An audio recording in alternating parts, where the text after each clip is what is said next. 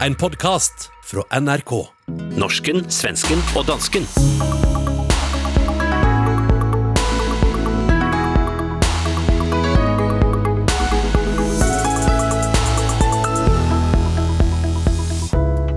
De skal lede Skandinavia gjennom coronakrisen, men har de nogen gang haft en skikkelig jobb? Den danske unge poeten Jai Hassans død har været en nyhed både i Danmark, Norge og Sverige, men hvad siger lærebøkene om forskellene på landene? Og hvorfor starter dansker alle sætninger med ja, men? Det skal du få høre den næste timen i ukens session med Skandinavisk familieterapi, der vi heller ikke nøler med at være ærlige om os selv, og som vanlig i Stockholm, Åsa Linderborg, i København, Hassan Preisler, og her i Bergen, Hilde Sandvik. Og hvordan har du det, Åsa? Ja, lite deppigt. Ehm, Jag jobbar ju på Aftonbladet och vi som jobbar i privata medier upplever ju enorma problem nu. Vi får inte in annonspengar trots att vi aldrig haft så många läsare som nu. Så Aftonbladet som jag jobbar på ska genomlida ett stort sparpaket. Så att mm. Vi har över fem miljoner läsare varje dag. Men vi har inga annonser, så det är hemskt faktiskt. Mm. Hassan, hvordan har du det? Jamen altså på det sådan, øh, hvad kan man sige, private plan, så har jeg det okay. Jeg, øh, jeg skal jo forholde mig til, at vi åbner op her i Danmark og øh, skal begynde at øh, begive os uden for vores hjem. Og det er jo ikke, øh, som du ved, Hilde og Åsa, som I ved, så er det jo ikke min største glæde. Jeg elsker jo den her isolation. Øh, men, men jeg er også, jeg, jeg er vred, og jeg er fortvivlet, og jeg er, øh, jeg, jeg har det nærmest fysisk dårligt over forudsigeligheden ved Yahya Hassans død.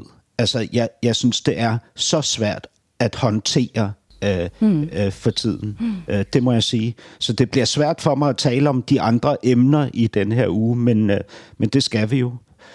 Ja, hvad med dig, Hilde? Nej, altså siden sist så eh, har jeg da altså fejret coronabursdag, der eh, gæstene kom eh, forskriftsmæssigt i hver sine kohorter. Men det, det som eh, jeg synes var lidt morsomt, var at det viste sig, at det er en anden, som havde bursdag samme dag, nemlig svenske kongen. Og i modsætning til mig, da, så fejrer han med en stor gave til sig selv, og jeg har læst, at han skaffer sig en BMW M8 Competition Coupé til 1,8 millioner kroner.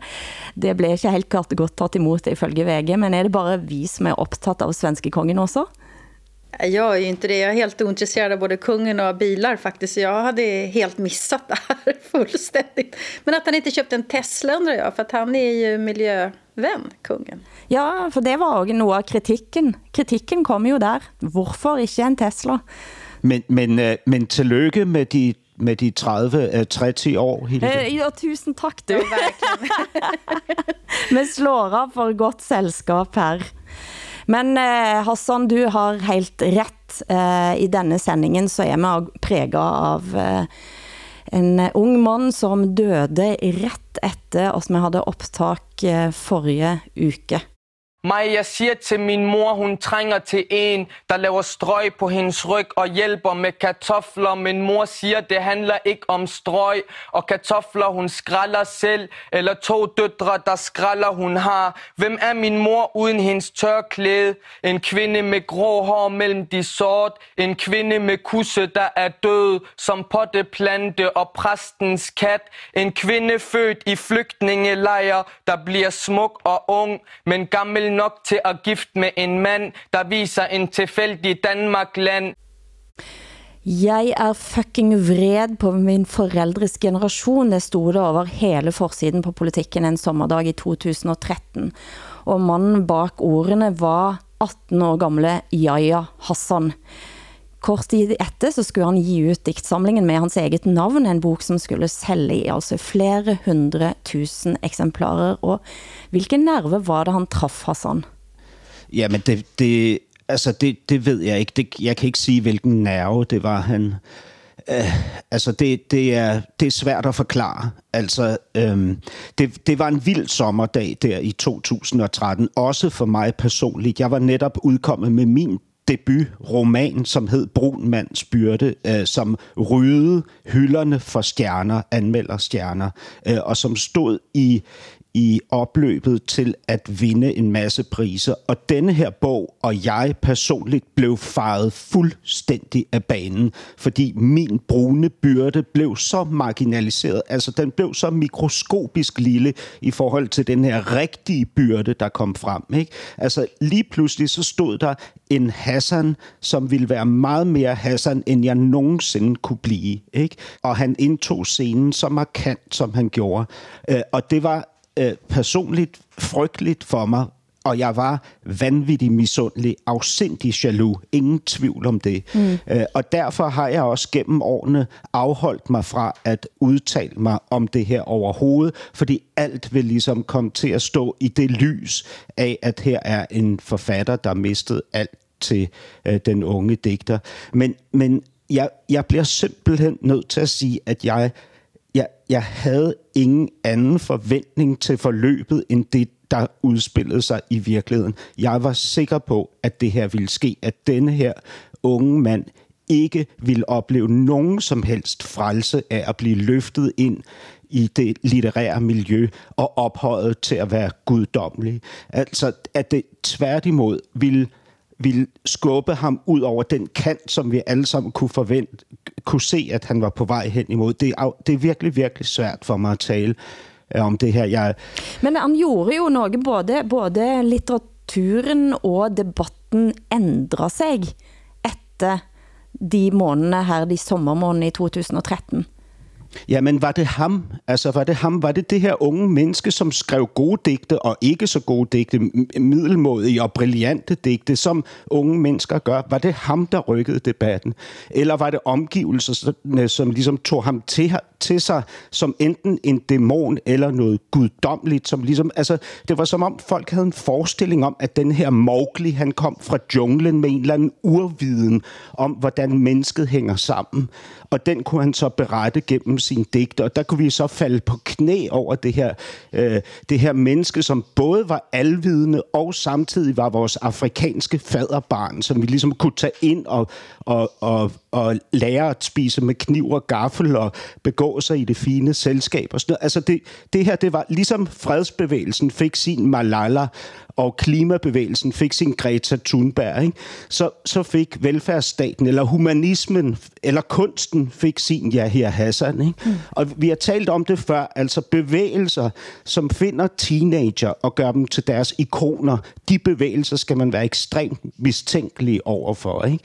Helt, altså helt kort, bare for, for, en, for de som da ikke har fulgt hele diskussionen eller fulgt Jaja Hassans liv i 2013. Han voksede op i Gellerup, som er et forsted utenfor uh, Aarhus, uh, med det som han beskriver som en voldelig, uh, voldelig familie. Uh, Eh, og i den, det den boken kom ut, så blir det ikke bare et stort intervju i politikken, der han er sint på sin forældres generation. Uh, eh, det er et også stort debattprogram på DR med Martin Krasnik, som virkelig får denne mannen ut i offentligheden og som gør, at han sidenhen må leve med beskyttelse og med, med folk rundt sig, og så får han både en litterær og en kriminell løpebane. Jo, og den kriminelle løbebane var jo allerede i gang, før, øh, før alt det her ligesom satte i gang. Ikke? Så vi vidste jo godt, at det, det, det frygtelige forudsigelige er hans død. Ikke? Øh, og, det, og, og det, det, der giver mig kvalme i de her dage, det er kynismen. Ikke? At folk siger, altså nu bliver der bygget fra det litterære miljø, bliver der bygget sådan en fortælling om Yahya, at han var et uafhængigt menneske. Han var den fri digter, han var en ensom ulv, øh, øh, altså, øh, som, som ikke kunne tæmmes, som ikke kunne bokses ind og så videre. Ikke? Og det her narrativ, det er jo et frygteligt narrativ at putte ned over et helt almindeligt menneske. Ikke? Fordi det her narrativ, det er jo ikke kun et, han han skal eksistere i, i sin død. Det skulle han også, da han var i live. Ikke? Hvad med alt hans normalitet, hans længsel, altså hans, hans øh, øh hvad kan man sige, savnet efter en hverdag, efter bare kunne fungere i et, i et helt almindeligt liv. Altså hvad med alle de der almindeligheder? Ikke? Det kunne han aldrig få lov til at indeholde. Han var guddommeligt gjort og demoniseret. Og der skulle han så leve frit udspændt i luften mellem to tilstande, som ikke har noget som helst med menneskelighed at gøre. Ikke? Det er så kynisk. Eh, hvordan blev Jari Hassan Stik taget imod i Sverige?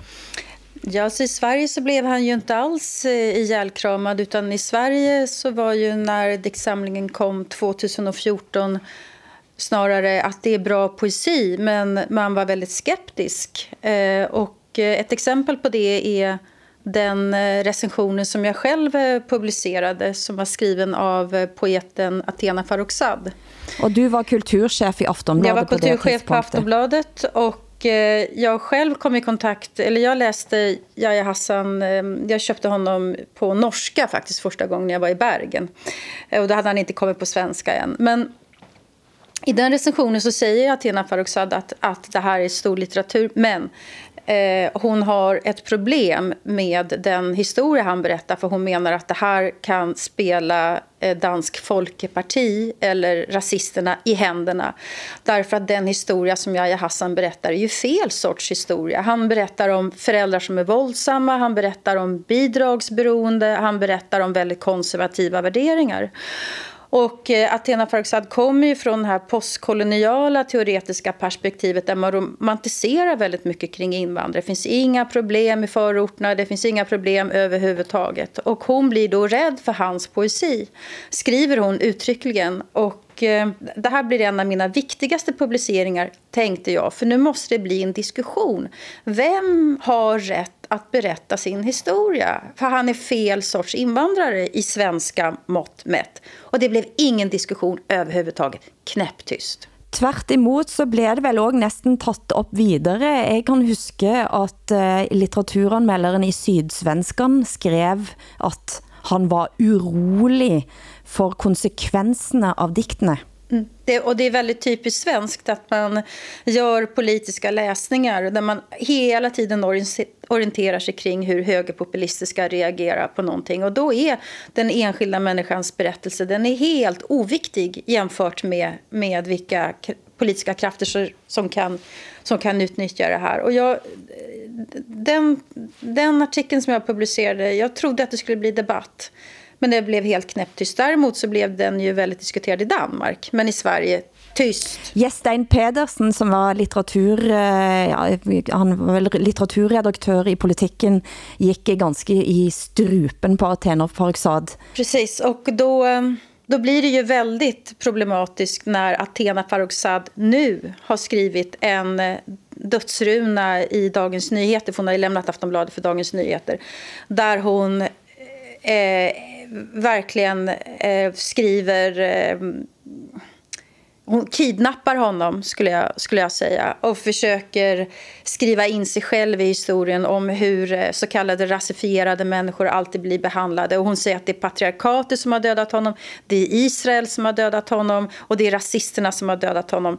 Så liksom, människan Yahya Hassan finns inte överhuvudtaget. Hans egen liksom, livserfarenhet, hans egna livsbeslut som han själv har fattat finns inte, utan allt blir en, en, en politisk eh, fråga plötsligt. På det mest gräsliga sätt faktiskt. Må jeg, må jeg ikke lige sige noget? Fordi i Danmark, der, der, der er det jo rigtigt, der, der kom han og hans omgivelser kom ligesom, altså fik kæmpet ham fri af den politiske omklamring. Ikke? Så, så han kom jo ikke til at være repræsentant for en bestemt politisk bevægelse eller et politisk synspunkt. Men det, det vi ikke så på det tidspunkt, det var, at der var jo også en litterær omklamring, ikke? Øh, som, som gjorde, at det her menneske, den her 18-årige mand, ikke, som har skrevet de her digte, som lægger sig i formen et eller andet sted mellem, mellem øh, hiphop og koranrecitation. Ikke? Altså det her 18-årige menneske blev ophøjet til, et, altså, til en, en litterær øh, Jesus-figur. Ikke? Og det, altså det, det, er jo, det er jo ikke mindre øh, え øh, destruktivt, det er jo ikke mindre forkasteligt, det er jo ikke mindre kvalmende, end at kubbe ham ind i en politisk dagsorden. Men tycker inte du att, tycker inte du att han har några litterära kvaliteter? Absolut, jo jo. Ja. Jo, helt sikkert. Han har litterære evner, ingen tvivl om det, og hans værker har litterære kvaliteter, men de er ikke guddommelige. Det er det, jeg siger. De er ikke guddommelige, det, de er menneskeskabte.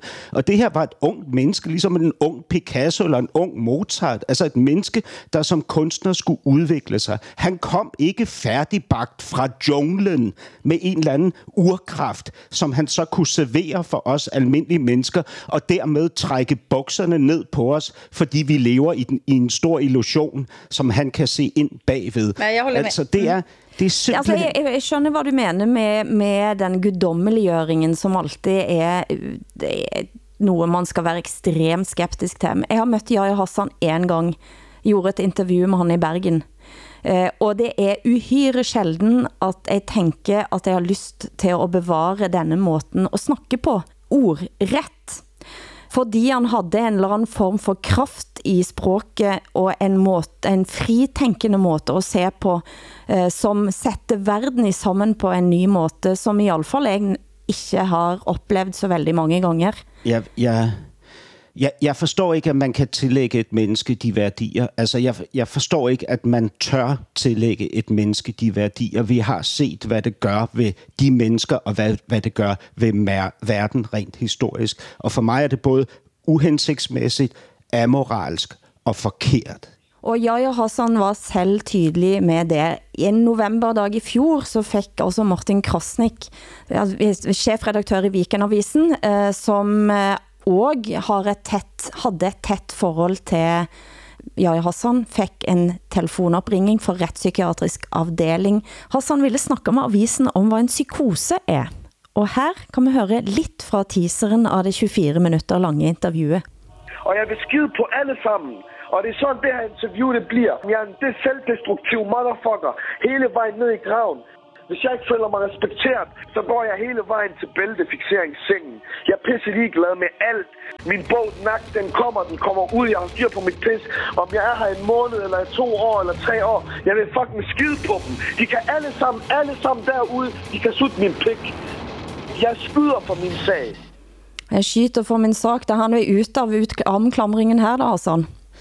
Altså, jeg, jeg vil faktisk godt lige indskyde, at Martin Krasnik stiller jo sig, sig selv nogle meget ærlige spørgsmål i blandt andet i sin nekro, nekrolog. Ikke? Altså, han, han spørger jo sig selv, var det ikke forudsigeligt, det der ville ske? Og så svarer han ja. Og han spørger sig selv, ville jeg have en bid af ham? Og så svarer han, ja, det vil jeg. Altså, det, det, er, det er jo de ærlige spørgsmål, man bør stille sig selv. Ikke? Havde man en agenda med ham? Og det, er, det kan vi selvfølgelig spørge Pia Kærsgaard fra Dansk Folkeparti om. Vi kan også spørge uh, Pernille Skipper fra Enhedslisten om det. Men kan vi ikke også spørge det litterære miljø om det her? Om de ikke havde brug for at, at kuppe og kidnappe den her, det her menneske ind i deres dagsorden. Ikke? Martin, Martin, Martin Krasnik, øh, han mener jo her, at Athena Forksad netop har en agenda og en litterær agenda også, for han, han har ikke ladt det sidste indlægget der stå helt uh, ubesvart. Nej, eh, han reagerade på, på Athena Farrokhzads eh, hyckleri här. Eh, och att hon buntar ihop alla invandrare och eh, skriver in sig själv i, i hela det här projektet. Han kallar det gravplundring. Ja, han kallar det gravplundring och, det, och det, det, jag skriver under på det fullständigt. Jag är, Det gør jeg også. jag är djupt upprörd faktiskt över det här över det här hyckleriet. Men jag är också upprörd över dem i Sverige nu som, som nu, sex år senare, är arga på den texten som Athena Farrokhzad skrev 2014. Varför sa de ingenting då? Den debatten som jag ville ha då, eh, den kommer ju aldrig. Utan den kommer nu. Altså en av mine venner, Susanne Lerøy, er lærer i den videregående skole, og hun skrev en masteropgave i Nordisk Universitet i Bergen, og der har hun taget for sig både kritikken, men også hvordan Jaja Hassan bliver brugt i lærebøker i Norge og Sverige og Danmark. Jeg snakker lidt med henne om hvad hun fandt I Sverige så er man veldig opptatt av at Yahya Hassan representerer en gruppe, Eh, og at det han skriver om denne gruppen kan misbrukes. Så det er et veldig moralsk og politisk fokus. Jeg kan lese et uh, lite utdrag. I introduksjonen så står det at Yahya Hassan han har eh, gitt de fremlingsfiendtlige kreftene vatten på sin kvarn. Så kommer det et diskusjonsspørsmål da. Hvilket ansvar har egentlig en forfatter eller kunstner for sine verk? Er alt tillatt i den kunstnerlige frihetens navn, eller behøver en forfatter som vil skildre sin historie, ta hensyn til at berettelsen kan være støtende eller utnyttes av den som gjerne sorterer mennesker i vi og dem? I Norge vi har nemlig et kompetansemål som sier at man i videregående skole skal se på kulturmøter i tekster. Yahya Hassan representerer derfor da kulturmøtet i Norden. Eh, og blir enten satt ved siden av eh, et eksempel er Ruth Lillegraven, som har et dikt der hun beskriver eh, en typisk norsk frokost. Man har tripp-trapp-stol og leverpostei, og det ser ganske idyllisk ut. På neste side så får vi da Yahya Hassans eh, forferdelige barndom i kontrast. Eller så blir han plassert sammen med andre med mørk hud. Kort to ord om den danske, de danske læreverkene. De ser han eh, i sammenheng med andre forfattere, som ikke nødvendigvis har mørk hud, eller snakker om eh, religion. Han blir plassert sammen med Knausgård. Han blir plassert sammen med Hassan Preisler. Og de eh, legger ikke skjul på at det har vært en politisk debatt, men det legger likevel ingen føringer på hvordan elevene skal lese tekstene. Det sa Susanne Lerøy, som har sammenlignet bruken av Yahya Hassan i skandinaviske lærebøker. Och igen, denna svenska moraliseringen, vad kommer det också? Ja, men det är ju så som Sverige är. Sverige är ju kanske Europas mest moraliserande land där vi alltid gör politiska läsningar och där vi alltid förhåller oss till högerpopulisterna och där man alltid måste hamna på rätt sida om strecket om vad som är ont och gott och rätt och fel och vitt och svart eh, rasifierad, icke-rasifierad och vad det nu heter alltihopa. Och så vi är väldigt moraliserande här. Vi är väldigt, väldigt, väldigt rädda för att någon, någon diffus ondska liksom ska, ska ta över våra sinnen och våra hjärtan och politiken och alltihopa. Det är ett antiintellektuellt land på många sätt skulle jag faktiskt säga. Det här är ett exempel på det. Norsken, svensken og dansken med Hilde Sandvik, Åsa Linderborg og Hassan Preisler. De skal lede nationerne gennem den største krisen i andre verdenskrig. Men hvilken arbejdserfaring har de til at gøre denne jobben? Det har skabt debat i Danmark. Hassan, fortæl. Jamen altså, ja, øh, det, det er svært at finde mening i, i, hvad hedder det, de næste emner, må jeg sige, efter, efter den her snak. Altså, jeg bliver, jeg bliver simpelthen lige nødt til at afslutte ved at sige, at, at som, som forfatter, som digter, så ved du, at de politiske partier, de politiske strømninger er ikke dine venner.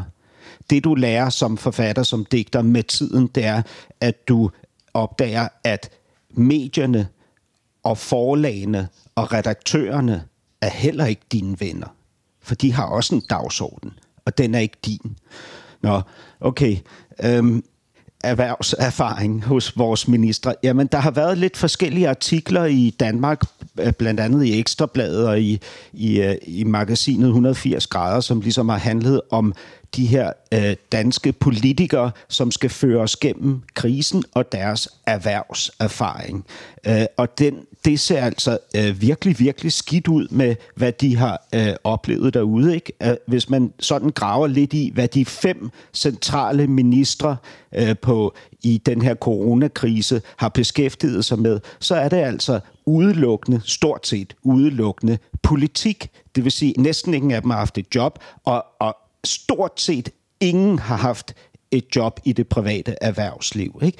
Og så tænker jeg sådan på, jeg er jo kunstner, altså jeg laver teater, skriver bøger og så videre. Øh, det minder mig lidt om teaterbranchen, fordi der, der befinder vi os inde på teatrene, og der øh, improviserer vi, og vi skriver, og vi har møder og workshops og alt muligt. Og så laver vi forestillinger om noget, der foregår uden for teateret, ude i virkeligheden. Men vi kan ikke særlig godt lide at komme ud i den virkelighed. Den føles ubehageligt, fordi den er så overraskende og uforudsigelig. Ikke?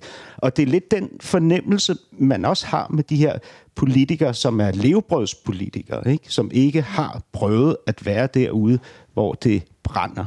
Åsa, har du sett på de svenske ministrarna i øjeblikket? Ja, och eh, svenska fem toppministrarna som ska sköta corona, de har ju en, en väldigt eh, blandad eh, sammansättning. Sverige är det enda landet tror jag i hela Europa som har en statsminister som faktiskt kommer från arbetarklassen. Han är till och med barnhemsbarn eh, och svetsare. Eh, och Eh, sen har vi finansministern, hon är duktiga flickan och har gått på Handelshögskolan och sådär. Vi har en näringsminister som är född i Turkiet och som skulle bli getherde eh, men sen så läste han här på universitet.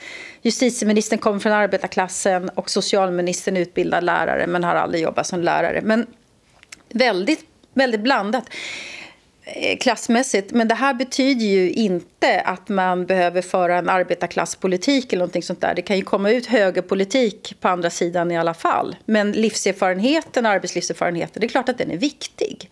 Den är, den är ju jätteviktig. Jag vet ju själv, jag är ju journalist, tycker att jag har väldigt begränsad erfarenhet av, av arbetslivet just därför. Eh, jag suger i mig min erfarenhet från när jag jobbade på bageri det är 30 år sedan som jag gjorde det. Men eh, eh jag skulle önska att det var mer växelbruk. Att alla människor någon gång fick göra en, en, en liksom slags värnplikt i, i sjukvården, industrin och så vidare. Så att alla liksom fick veta hur det är. På samma sätt som jag önskar att, att alla arbetare kunde få tid att förkovra sig och läsa lite också betalt. Men eh, denne, denne diskussionen i Danmark, eh, Hassan, den har jo egentlig pågått nogle år. Jeg husker at læse mange artikler om karrierepolitikere, som det kaldes i Norge. Da.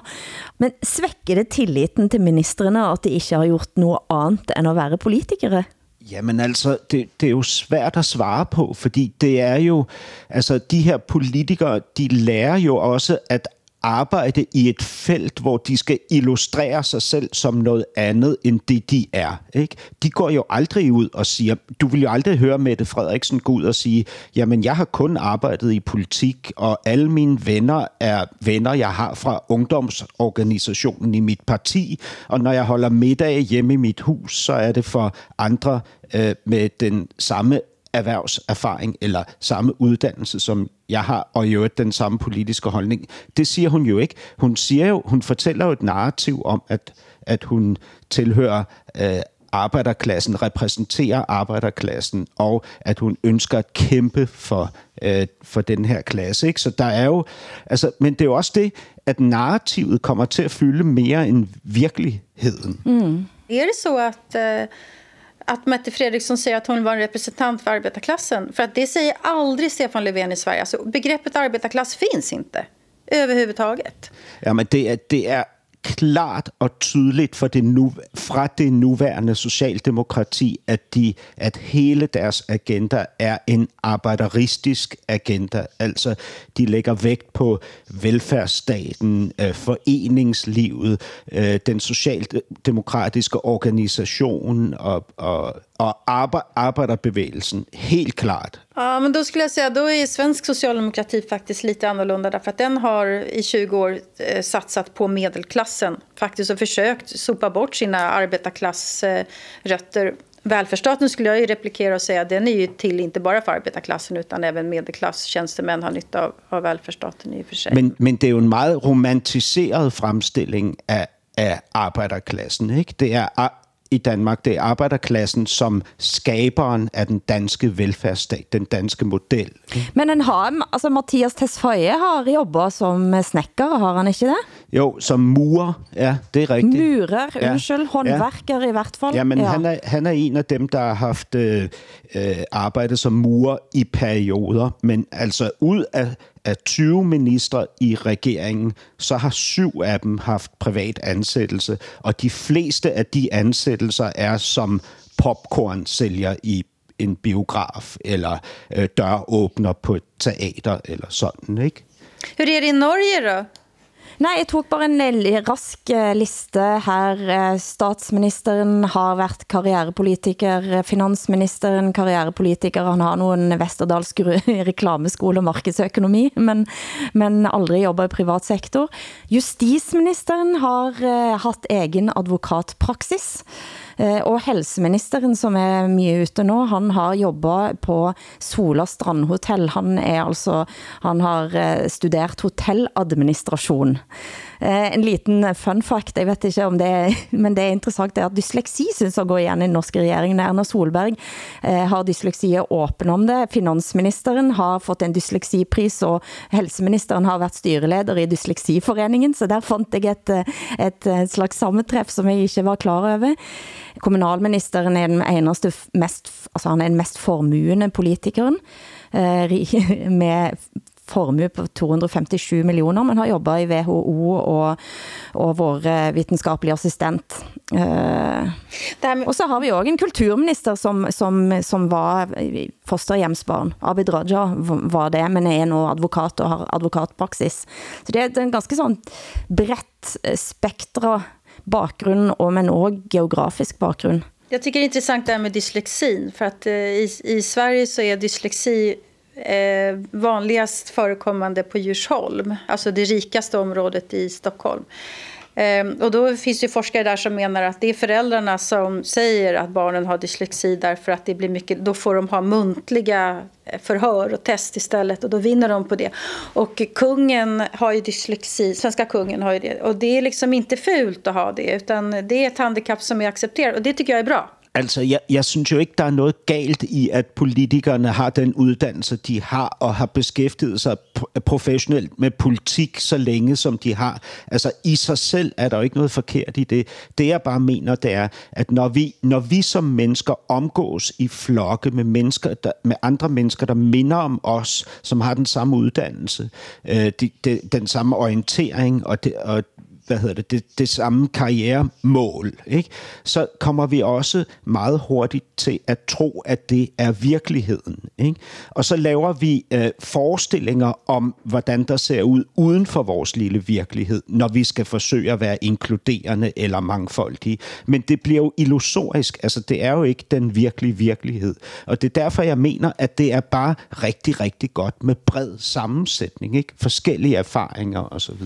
Absolut, det det det är en spännande tanke därför att procentuellt sett, i alla fall i Sverige, så 40 procent tillhör LO-kollektivet. Om man skulle ha en regering eller en riksdag där 40 procent faktiskt kommer från arbetarklassen, politiken skulle se annorlunda ut. Du hører norsken, svensken og dansken. Programmet blir sendt i Danmarks Radio, Sveriges Radio og Norsk Rikskringkasting.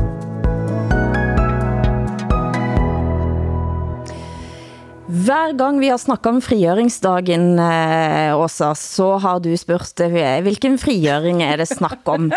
Men vi snakker, vi snakker altså om andre verdenskrig, og her har vi et klipp, svensk journalist som er med på frigjøringsdagen i Norge i 1945. Norska trupper från Sverige passerar Loänga utanför Oslo på väg mot sin huvudstad. Jublet brusar emot dem. Det jubel som en Norgebesökande Sverigejournalist har surrande i huvudet ännu en vecka efter återbördandet till den svenska vardagen. På Ljungstorget nedanför det beryktade polishuset vid Möllergatan 19 ställer de återkomna och efterlängtade norska pojkarna upp. I fem feta år hade den nazistiska regimens villigt fårskocksmarscherande, eller rättare vargflocksmaroderande robotar ätit ut Norge. Men norska folket är av seg tåga. Dess ungdom har den oskattbara gåvan av goda föredömen att se upp till. Ingenting ska strykas över, men på de hårda erfarenheternas grund ska Norge gå vidare. I befrielsens tecken. Dette er altså 75 år siden, og denne uken så har det blitt eh, fejret i Danmark med at man tænder lys i vinduerne. Eh, hvordan har samtalen været om krigen denne uken, Hassan? Ja, altså vi havde jo øh, vi havde jo den store befrielsesfest den øh, 4. 5. maj på på tv, øh, hvor blandt andet vores øh, statsminister Mette Frederiksen talte øh, til befolkningen. Jeg, jeg, jeg mindes dengang jeg, øh, Åsa, jeg ved ikke, om du ved det, men, og, og Hilde, jeg ved ikke, om det var på samme måde i Norge, men i Danmark, der gik øh, dem, der havde kæmpet i modstandsbevægelsen, de gik med et armbind på armen efter befrielsen, øh, som var blåt, hvidt og rødt. Øh, og på den måde kunne man ligesom se, at de havde været frihedskæmpere. Øh, min, en dag, der fandt jeg min morfars armbind øh, oppe på loftet i hans hus. Og jeg havde ikke hørt historien om, at han havde været frihedskæmper. Øh, og han, han havde ikke lyst til at fortælle mig den. Og jeg pressede ham øh, mange gange for at fortælle mig, hvorfor han ikke ville sige til mig, hvad der var sket.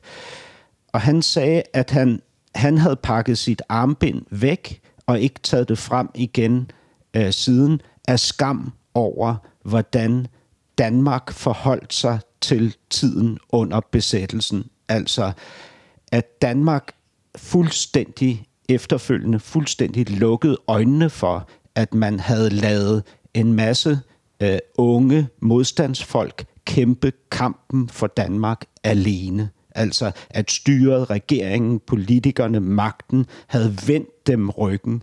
Ikke kun øh, passivt, men også aktivt. Altså den, den socialdemokratiske statsminister Wilhelm Buhl, han holdt en, en, øh, en stikkertale, hvor han bad den danske befolkning om at angive modstandsfolk til politiet, så, så de kunne blive straffet. Lad os høre faktisk lidt ifra denne talen.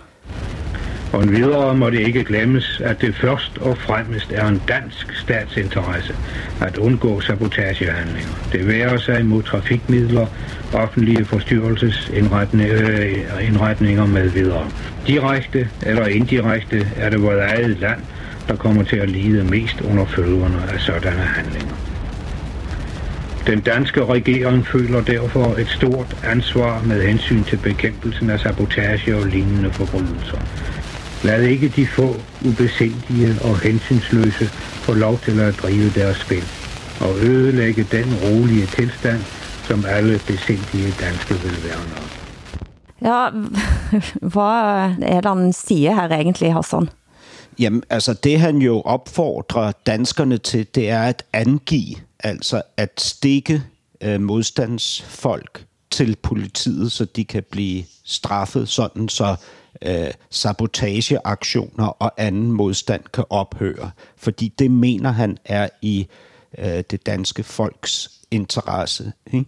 Og det var jo de her ting, min morfar også oplevede under øh, krigen, som han synes var så øh, hvad hedder det, forstyrrende, at man efterfølgende ikke havde et opgør med. Til gengæld havde man et ophør og et op et opgør med de kollaboratører, som øh, egentlig bare havde fulgt regeringens anvisninger ikke? og samarbejdet med, med øh, besættelsesmagten. Øh, og, og så står øh, vores statsminister her 5. maj og nævner ikke samarbejdspolitikken. Hun nævner ikke den her stikkertale. Tværtimod så fremhæver hun Stavning, den her tyskvenlig socialdemokrat, som en national held. Ikke?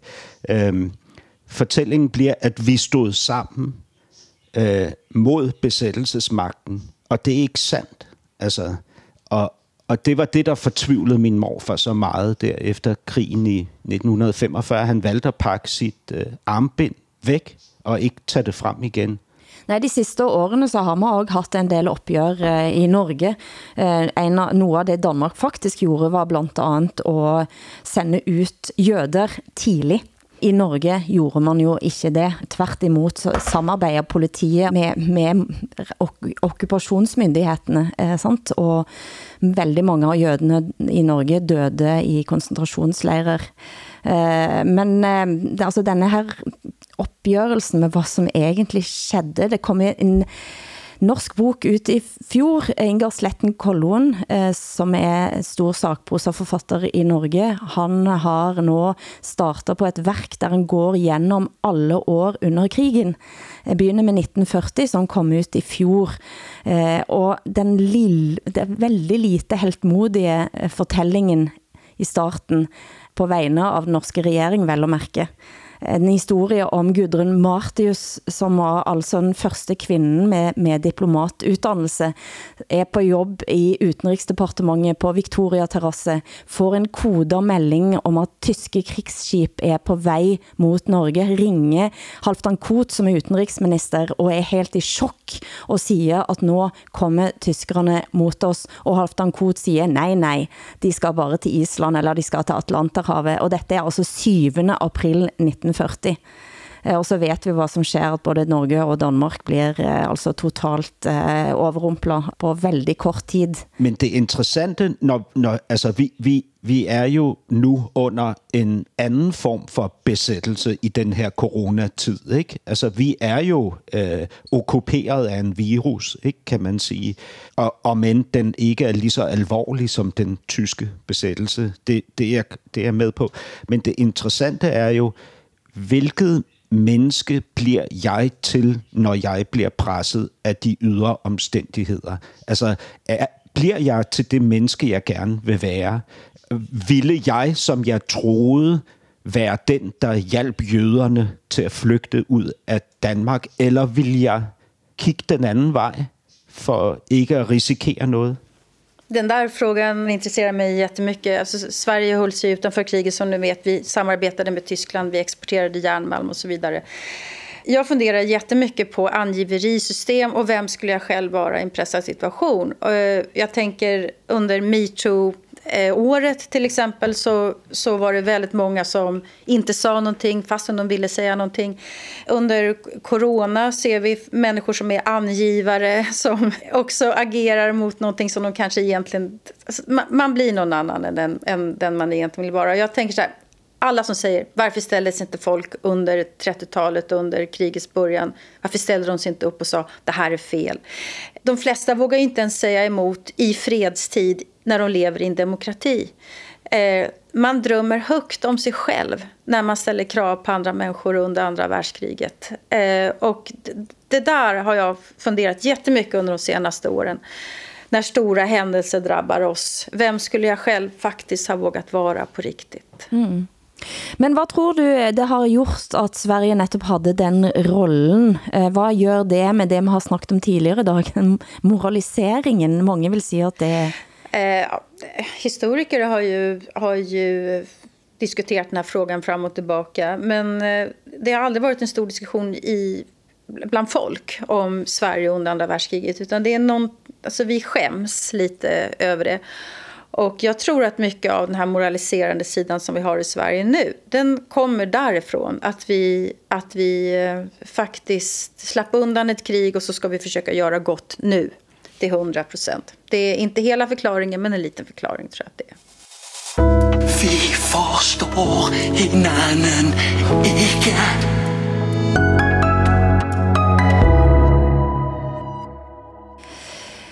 Vi har fått ind et uh, lytterspørgsmål uh, i forslag til tema på næsten norsken og svensken og dansken.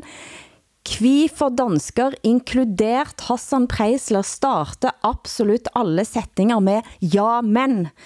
Og dette spørgsmål blev da altså stilt på Twitter av den norske eh, miljøminister eh, Sveinung Rotevatten.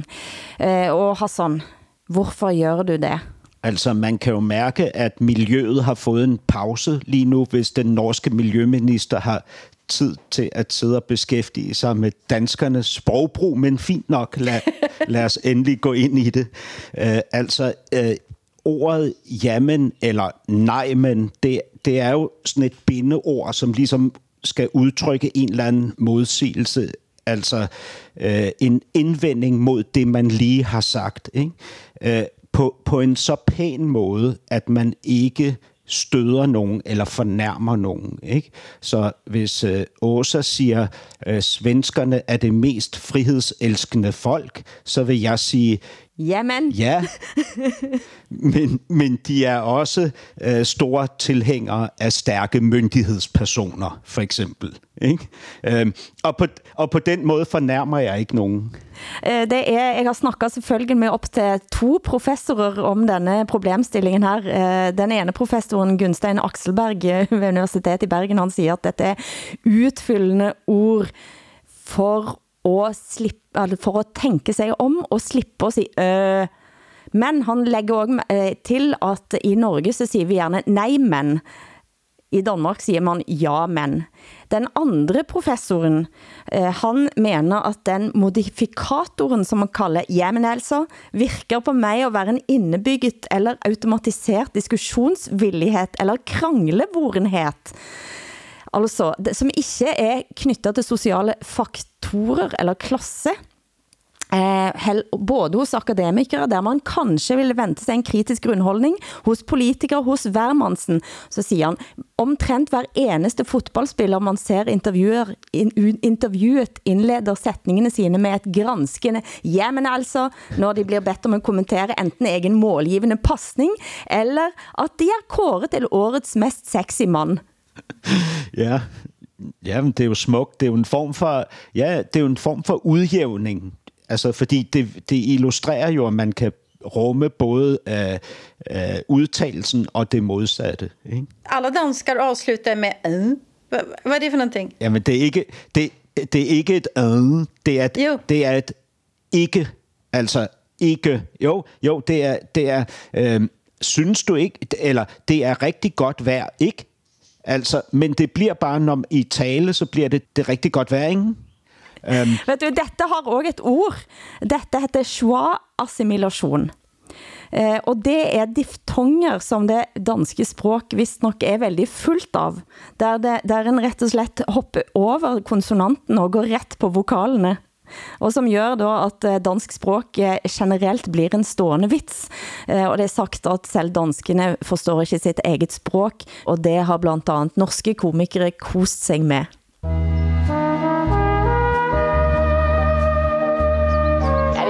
Danish language has always been impossible to understand for most Scandinavians. But the reason, yes, it has been impossible to understand for us in Denmark too.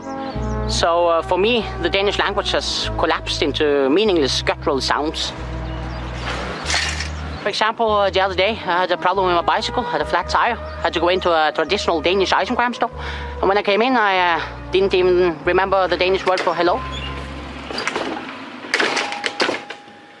Gav good. I didn't understand anything of him, so I just repeated what he said. Gud, det sker det. Jeg skal se... Uh, lille solskin og lille skønner. um, skulle jeg have en skal, slag skal få en lille cykelkugle? Skal? Slag få en lille cykelkugle. Ah, cykelkugle! Ja. Det vi hørte her var den moderne klassikeren fra Ut i vår hage med Atle Antonsen og Harald Eia på NRK. Eh, en språkforsker ved Universitetet i Oslo siger, danskene må tilgi mig, men de har en grumsete lydstruktur. Og det er vel kanskje det, dette er et udtryk for da. En grumsete lydstruktur, Hassan. Er det det, du driver med? Ja, altså, jamen, jeg vil ja, sige, altså. jeg forstår... ja, altså... Jeg, øh, det der jo sker lige nu, det er, at, at, øh, at øh, danskerne i den her sammenhæng bliver udsat for gruppemobning, men men vi ved jo godt, at man mobber dem, man er misundelig på. Og dybest set, så ved I jo godt, svensker og nordmænd, at vi jo bare har et langt mere sofistikeret sprog, men at I, jeres ører slet ikke er trænet til at forstå, hvor sofistikeret det er.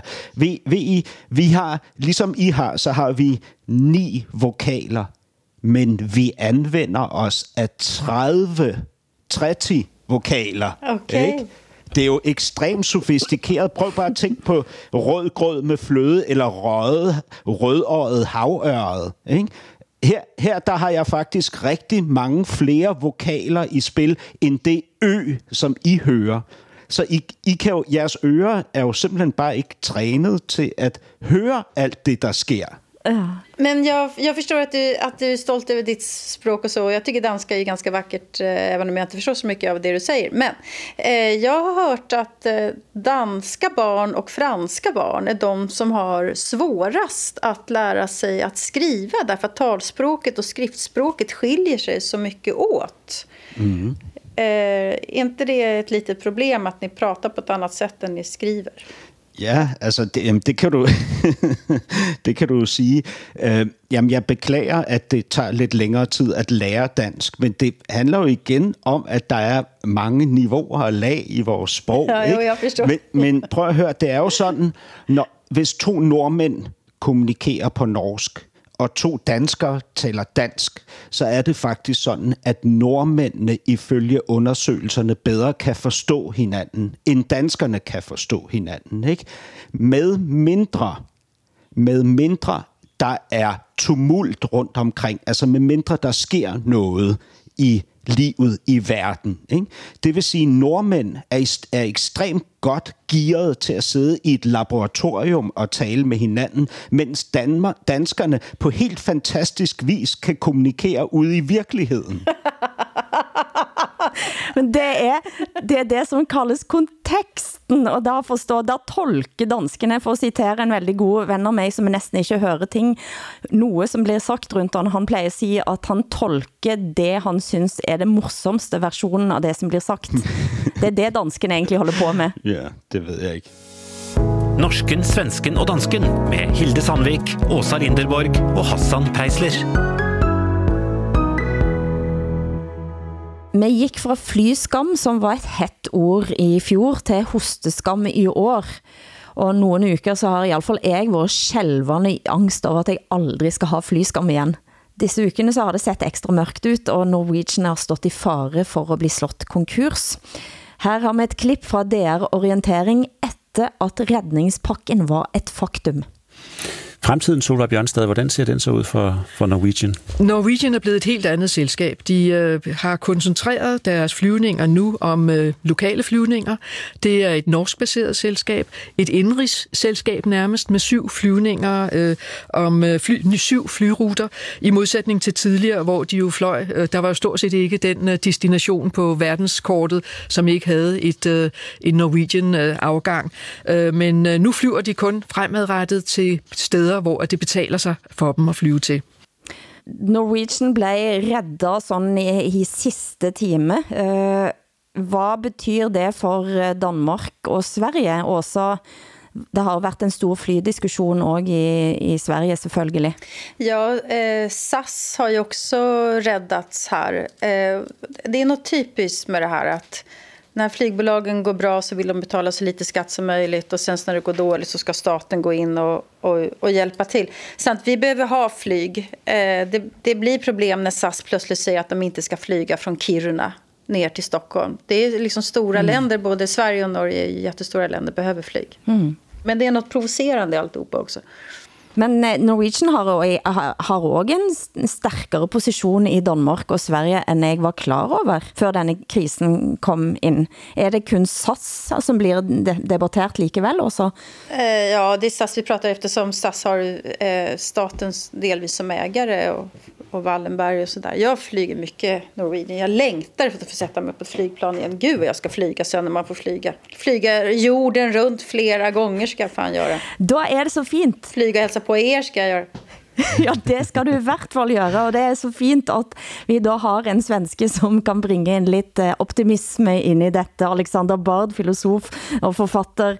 Han var på Nyhetsmorgen nylig og spådde om fremtiden.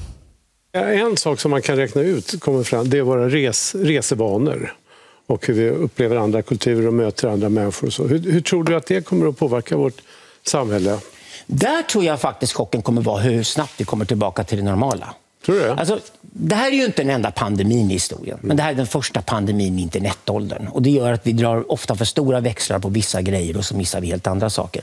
Och jag skulle säga så här att när vi kommer sitta här redan om sex månader så kommer vi upptäcka att oj jäklar vad lätt det var att gå tillbaka gamla mm. beteenden. Vissa saker var jätteenkla att göra. Det tror jag faktiskt det här med flyget kommer vara. Jag tror första gången du kommer ut till Arlanda, Landvetter, sätter på plan igen så kommer det vara som det var förr. Det kommer vara väldigt enkelt att göra det igen.